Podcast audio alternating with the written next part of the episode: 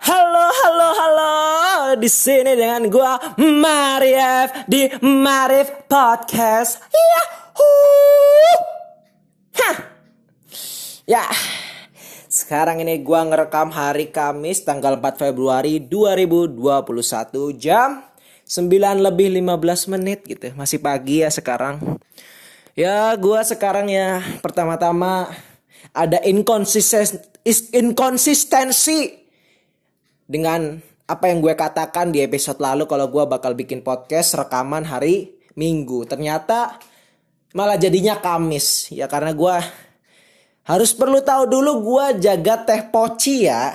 Jadi gue dari jam 6 ngambil pisang terus jam 7 itu udah siap-siap ya mandi dan lain-lain jadi ya masih ya masa bikin podcast pagi-pagi jam 7 kan aku nggak seger gitu ya jadi ya harus jam segini atau di atas jam ya jam 10, jam 12 biar masih seger udah habis makan, habis minum setelahnya terus ya baru bikin podcast. Dan jadinya hari Kamis karena ya nggak ada waktu. Sekarang baru ada waktu yang jaga bukan gua gitu, yang jaga orang lain. Jadi ya bisalah diatur. Uh, hari ini ada berita apa yang terbaru ya? Ya katanya Demokrat mau dikudeta. Nggak tahu gue nggak baca lengkap. Gue cuma lihat judulnya aja gue kayak apa sih itu ngapain sih? Nggak jelas tiba-tiba. Terus ya banyak ada berita lagi. Ya berita banyak cuma gue nggak terlalu baca karena lagi nggak baca berita ya. Gue lagi asik-asik main game nih Line Ranger. Gue lagi main lagi. Lagi ada event Attack on Titan gitu. Gue udah dapat Eren sam sama Erwin. Tapi Erwin mah gratisan dikasih pas lagi login. Jadi gua main lagi. Jadi ya karena main game gua nggak bisa. Eh kok kamu kok menjadi begitu sih gara-gara main game? Main game itu nggak baik ah babacot main game nggak baik dasmu. Gua bisa uh, ngebaca cepat terus juga bisa dikit-dikit bahasa Inggris ya karena game. Game ada fungsinya Gak semuanya buruk. Tapi kalau main game kelamaan nanti mata kita bisa sakit. Ya iya itu namanya berlebihan. Lu makan nasi juga bisa bahaya bisa diabetes. Semuanya kalau berlebihan ya bahaya.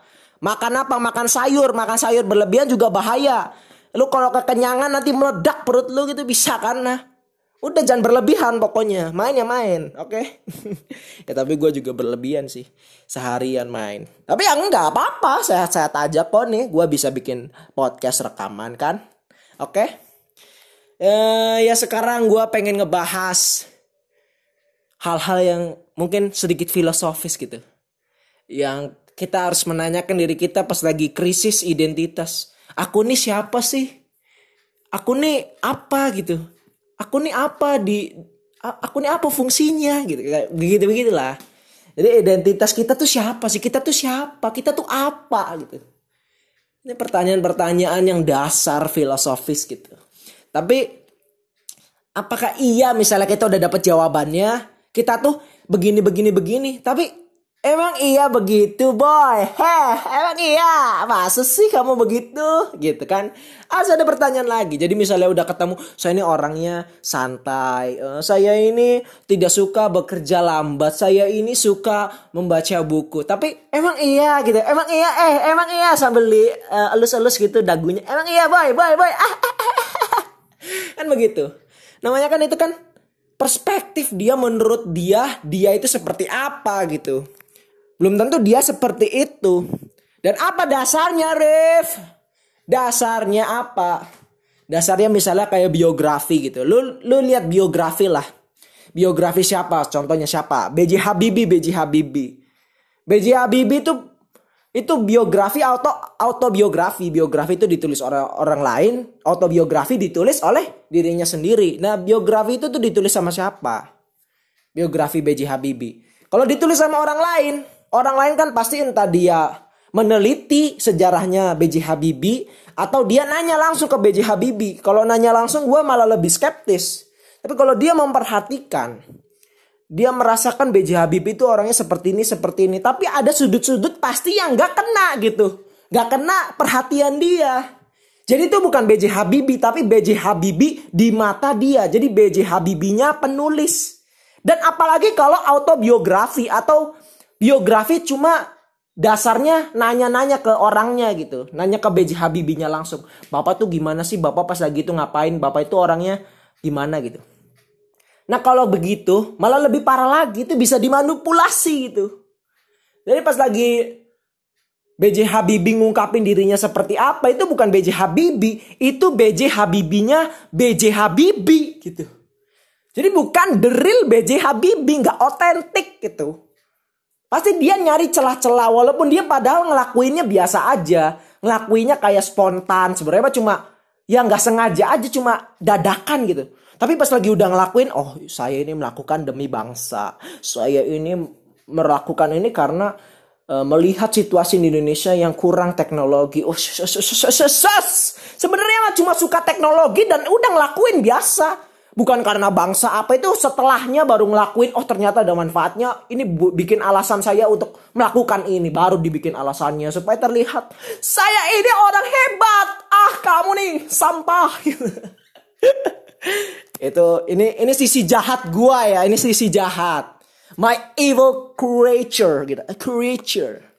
Jadi ya nggak bisa ditolak gue ada sisi jahat ada sisi optimis gitu. Ya saling saling berlawanan cuma saling bisa dibagi lah ini sisi jahat gue gitu karena gue setiap apa ya gue nonton film B.J. Habibie itu apa itu orangnya masih hidup pertama Gak, menurut gue apa ya? Lu kalau bikin film biografi, orangnya masih hidup dan orangnya juga ikut dalam proses produksi. Kayak pas lagi B.J. Habibie ketiga, gue denger ya Zara Hadian udah nggak mau.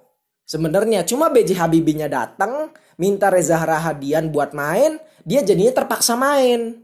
Karena B.J. Habibie langsung yang minta dia buat jadi main gitu. Ke B.J. Habibie ketiga filmnya. Nah orangnya masih hidup, orangnya juga berperan dalam uh, berkontribusi dalam pembuatan film. Nah gue ya skeptis gitu. Itu apa bener BJ Habibie atau cuma diliatin baik-baiknya aja. Pinter, setia, tabah, gagah gitu. Wis. Cuma gak ada kesalahan-kesalahannya gitu. Mana masa gak ada sih?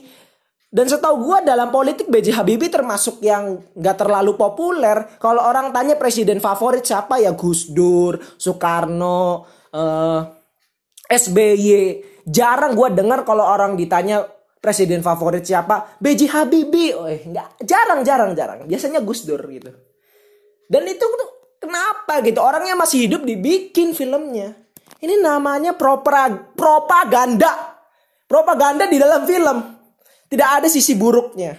Semuanya tentang kebaikan dan yang difokuskan adalah itu kenapa iya B.J. Habibie pinter cuma nggak dijelasin apa yang dibikin tuh teorinya tuh apa yang dia bikin tuh apa jadi idenya tuh nggak terlalu tersampaikan cuma lebih ke personal idenya tuh apa ide dia tuh apa gitu ini cerita personal aja ini mah.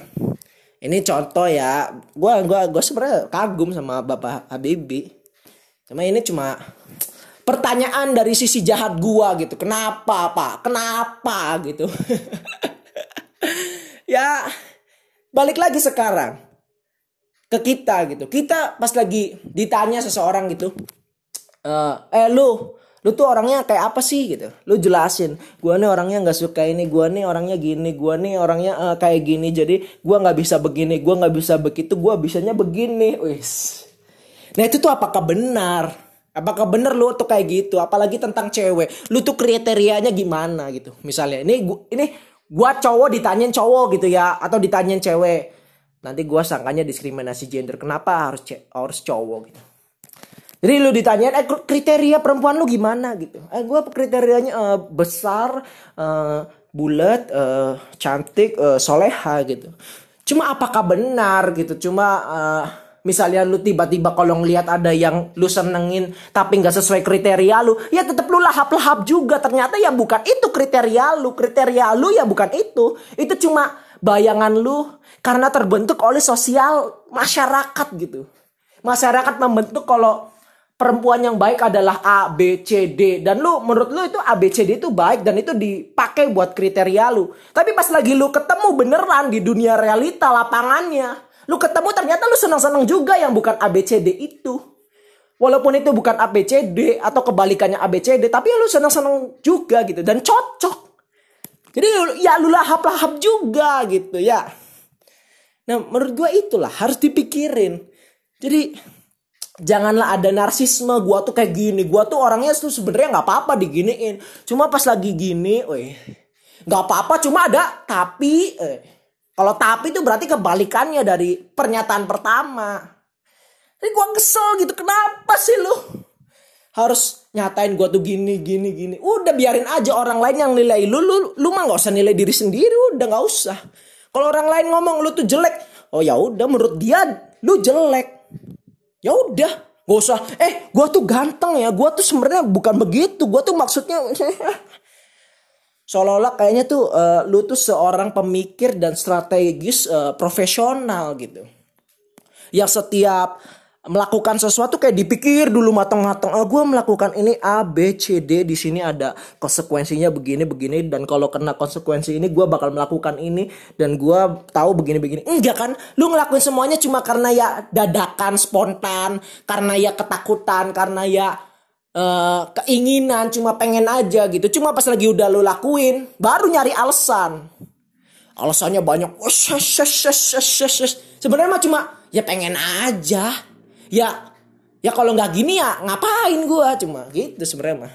Tapi ya wes saya ingin membantu keluarga saya meningkatkan taraf hidup ini yang menjadikan diri saya. Ah sebenarnya lu cuma pengen dijadiin orang yang kalau setiap pidato perkumpulan gitu disebutin pertama gitu yang terhormat bapak. Nah itu lu mau mau disebut di situ kan? Eh? Misalnya nama lu siapa Andi, yang terhormat bapak Andi. Nah baru itu lu seneng. Nah lu pengen di situ kan?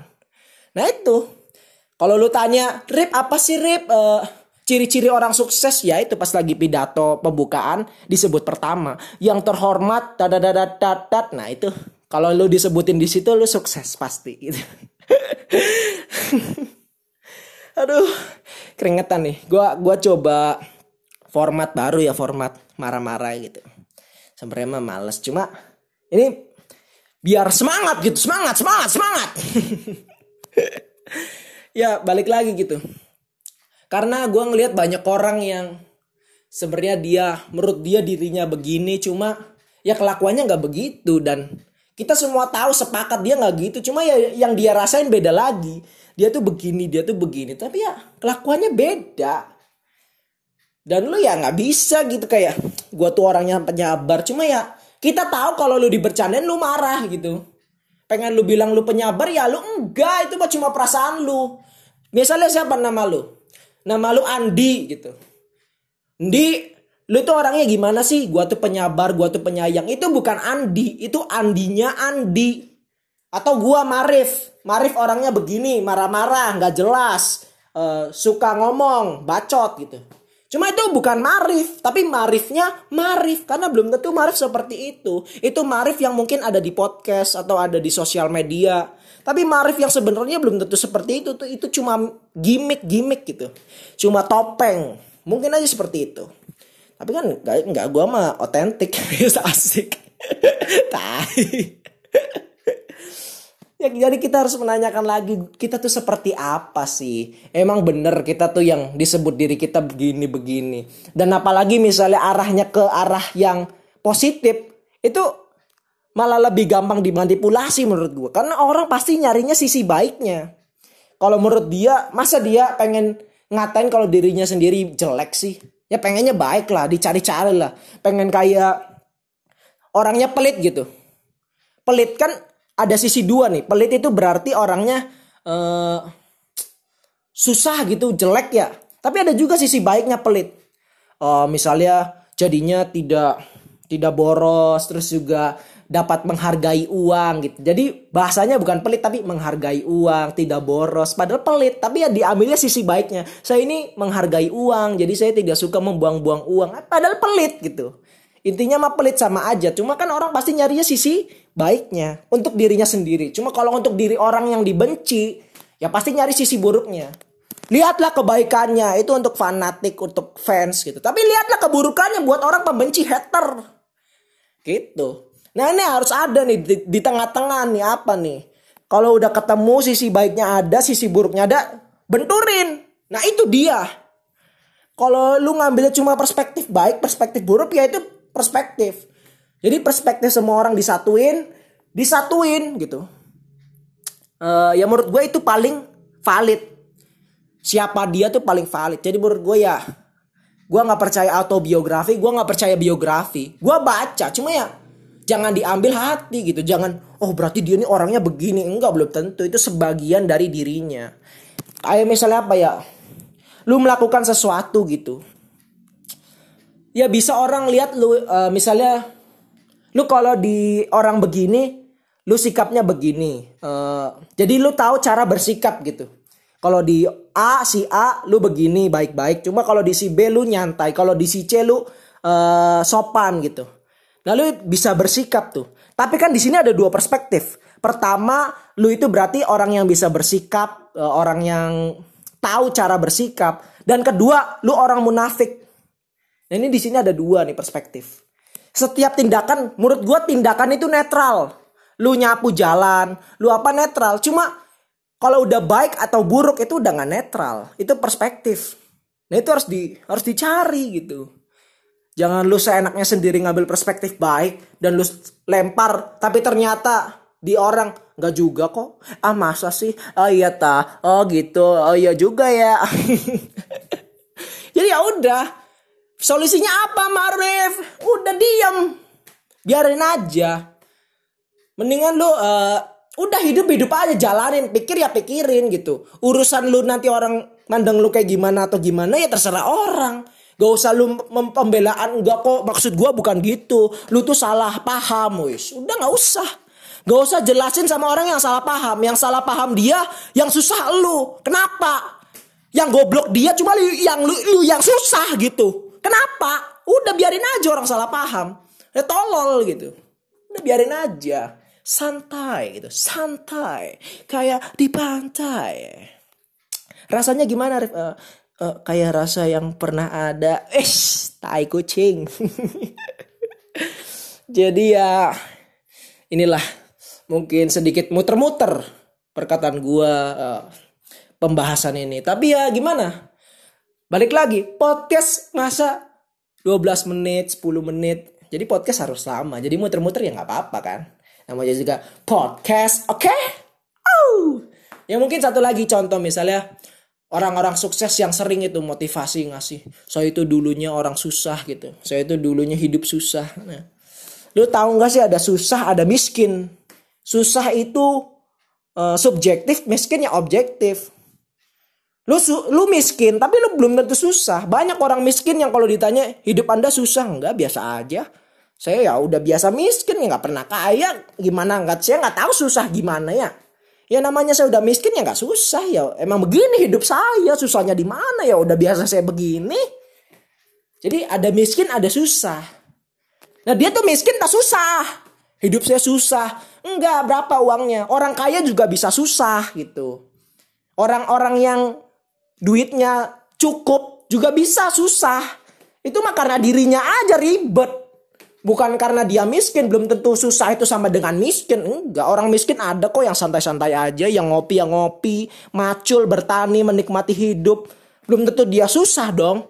Dia dia miskin, tapi dia nggak hidupnya nggak susah. Dia senang-senang saja gitu, bahagia. Jadi lu ya nggak usah lah. Yang subjektif gua tuh susah, gua tuh capek, capek. Apalagi capek. Capek ini kalau di gua nggak tahu di Indonesia tuh ada nggak sih? Kalau di Inggris kan ada, ada tired, ada tired gitu, ada exhausting. Itu dua beda. Kalau exhausting itu ya objektif, kondisi jiwa apa kondisi badan. Cuma kalau tired itu kondisi jiwa beda. Jadi lelah gitu. Kalau lu emang bener lelah, badan lu lelah itu lu ngomongnya exhausting. Gue exhausting nih. I'm exhausting gitu. Exhausted. Tapi kalau lu kayak males gitu, kayak udah nggak mau lagi ya lu bilangnya aduh capek, aduh I'm tired gitu. Kayak capek gitu. Jadi itu subjektif kalau exhausting itu kelihatan itu orangnya udah kecapean, udah keringetan gitu. Tapi kalau tired itu ya orangnya padahal biasa aja, cuma ya hatinya aja, hatinya males gitu. Hatinya capek. Nah itu harus ada kata-kata objektif dan subjektif itu harus dibedakan gitu. biar kita menyapai uh, suatu hal yang otentik, otentik, otentik, otentik. Jadi ya harus ada otentik ontes otentiksitas di dalam biografi dan autobiografi. Kita ya kalau misalnya ada film BJ Habibie yang begini nih ya, yang kelihatannya kan baiknya aja nih. Harus dibuat juga film BJ Habibie full buruknya. Ada. Biar jangan kita uh, melihat BJ Habibie itu sebagai orang yang sempurna. Itu ya gak juga gitu. Misalnya gue kayak ngeliat film BJ Habibie itu kayak pas lagi selesai.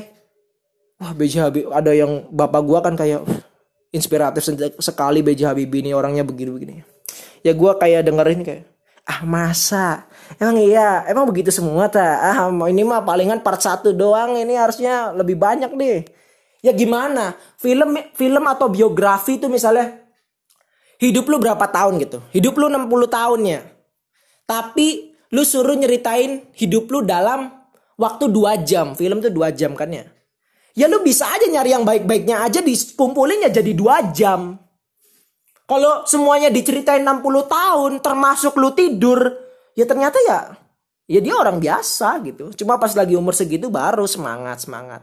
Jadi hidup lu 60 tahun cuma diceritain 3 jam atau 2 jam atau buku misalnya buku berapa 200 lembar 300 lembar itu nggak cukup itu bukan biografi itu mah namanya ringkasan hidup lu. Cuma ya pasti ringkasannya nyarinya yang baik yang ngebuat orang yang baca tuh seneng. Cuma kalau orang yang ngebaca cuma saya tidur jam 9 pagi, terus besoknya tidur lagi, terus tidur, tidur lagi, uh, tidur, uh, terus membantu mama, terus tidur. Nah itu kan sebenarnya hidup lu begitu. Ada yang begitu, cuma ya pasti yang diceritainnya saya bikin startup, usaha saya berkembang, saya menjadikan uh, membuka lapangan pekerjaan buat ribuan orang. Perusahaan saya sudah menjadikan uh, Indonesia ini lebih baik dan lebih maju gitu. Ya pasti yang dicarinya yang itu. Dalam waktu tiga jam lu, di, lu disuruh nyeritain 60 tahun hidup lu atau ya berapa umur lu berapa terus lu dibikin biografi.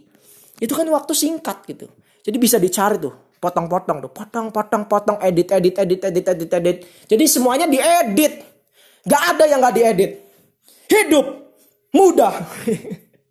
Semuanya diedit, gak ada yang diedit. Termasuk perspektif lu tentang diri lu sendiri pasti diedit.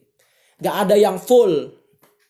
Lu pasti nyari gimana caranya gua kelihatan baik, gimana caranya gua kelihatan mulia. Gimana caranya gua ngelakuin ini padahal cuma gabut atau kesengajaan atau ya kebetulan aja cuma pengen aja gitu tapi gimana caranya gue kelihatan kayak gue tuh orangnya terencana banget gue nih strategis gue nih pemikir bebas wes open minded. Padahal mah cuma ya pengen aja. Kenapa sih kamu uh, suka de dengan teknologi? Ya sebenarnya mah cuma ya ya nggak tahu sih ya kebetulan gitu saya ngelihat teknologi ya suka gitu. Ya sebenarnya kan gitu aslinya. Cuma ya saya teknologi ini uh, apa ya hal terpenting pada abad 21 ini. Karena teknologi kita bisa hidup untuk mem memajukan uh, peradaban ini. Ush, dicari-cari. Padahal cuma ya nggak tahu ya seneng aja sih ngelihat masuk masukin kabel ya seneng gitu. Padahal kan begitu tapi yang enggak harus bagus. Harus estetik gitu harus indah gitu. Jadi itu permainan kata-kata kata-kata kata gitu. Dan tidak ada yang otentik lagi. Dan termasuk apa? Politisi ya jangan udahlah nggak usah bahas itu. Bahaya men. ITE ITE ITE ITE ITE jadi ya begitulah.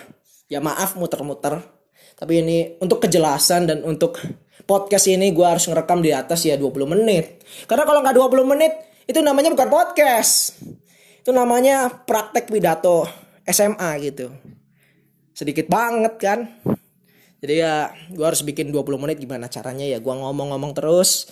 Kalau kedengarannya ngebosenin ya gue minta maaf. Cuma nggak ada denger juga kan. Siapa yang denger? Hah? Gue tanya nih siapa yang denger? Nggak ada. Komen yang denger siapa nggak ada.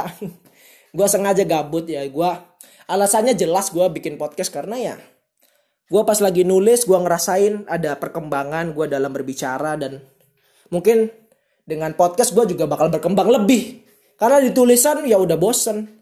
Di tulisan gue kata-katanya udah nemu terus. Nah di podcast ini gimana caranya gue harus ngomong dengan cepat. Pak pak pak dan gue tetap ngomong dengan pikiran dan otak ya. Dan kata-kata yang terus muncul di kepala gue jadi gue uh, ngepush oh, apa kata-kata tuh muncul di kepala gue karena ya itu semakin cepat kata-kata keluar dari kepala gue semakin cepat gue ngomong. Jadi gue nggak kayak uh, uh, uh, uh, uh, uh. dan gue pengen ngilangin itu ya buat masa depan gitu. Ya buat mungkin yang belum kenal. Gue masih umur 17 tahun gue masih SMA jadi ya gue kan udah ada di deskripsi gue sok tahu bukan pakar gitu jadi sotoy. Cuma ngasih pendapat bacot aja. Jadi ya jangan harapin kebenaran dari anak SMA dari anak SMA yang masih nggak tahu apa-apa gitu. Belum kerja belum apa. Jadi ya mungkin ya ya jangan terlalu. Tapi ya saya pemuda jiwa pemuda saya ada. Merdeka! Wis. Ya gitu aja ya uh, untuk selanjutnya gue takut itu nggak konsisten lagi. Kemarin gue bilang hari minggu ini hari kamis coba ya gue tapi kan kemarin gue bikin dua tuh hitungannya. Gue hari rabu bikin hari minggunya bikin. Berarti kan itu gue seminggu dua tuh berarti ya dimaafin dong.